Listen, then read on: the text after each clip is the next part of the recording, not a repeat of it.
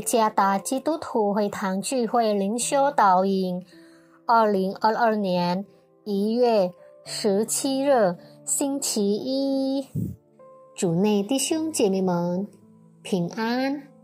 今天的灵修导引，我们会借着圣经出埃及记第四章第十节到第十七节来思想今天的主题。即使人会改变。作者蔡国闪传道，出埃及记第四章第十节到第十七节。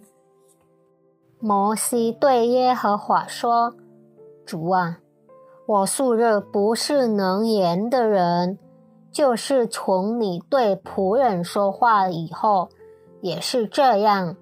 我本是。”捉口笨舌的耶和华对他说：“谁造人的口呢？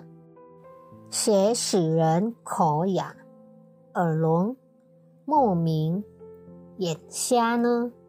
岂不是我耶和华吗？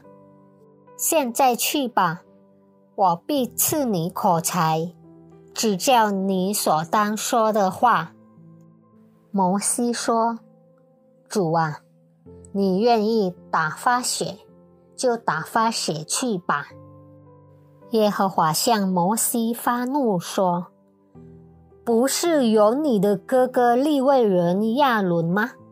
我知道他是能言的。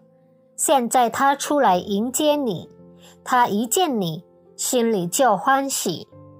你要将当说的话传给他，我也要赐你和他口才。”又要指教你们所当行的事，他要替你对百姓说话，你要以他当作口，他要以你当作神，你手里要拿这杖，好行神迹。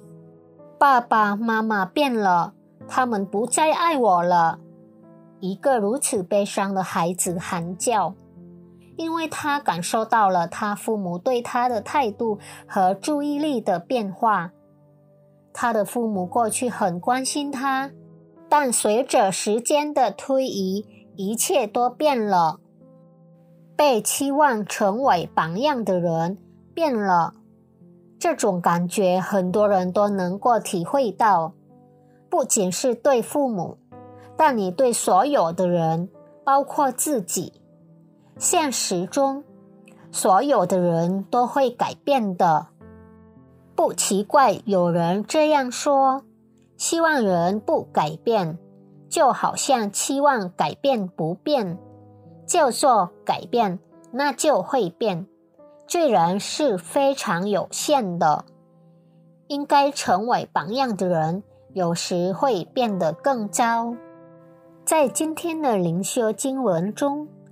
摩西被派去拯救以色列人时，他怀疑自己。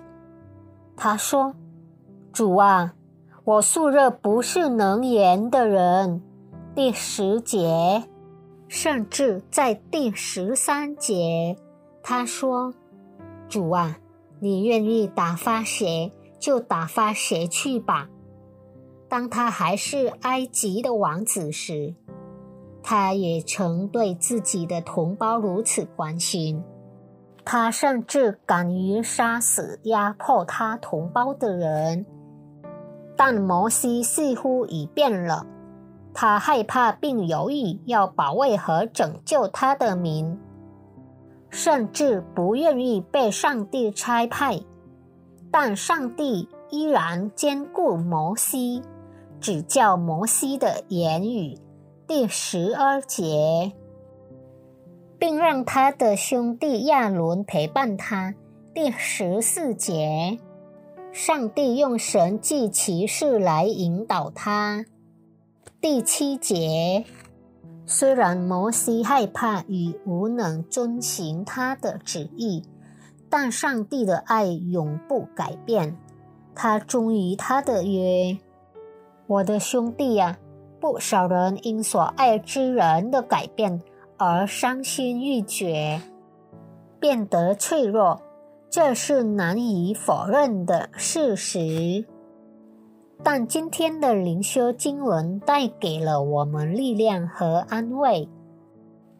即使我们在遇到困难时被人遗忘和忽视，我们仍然有一位永远不会改变的上帝，因为他永恒的约，他大能的手牵着我们。上帝能够使用脆弱、有限和易变的人。来彰显他的信实，因此专注于上帝和他的作为吧，相信吧。即使我们钦佩的人改变了，但上帝永不改变。愿上帝赐福大家。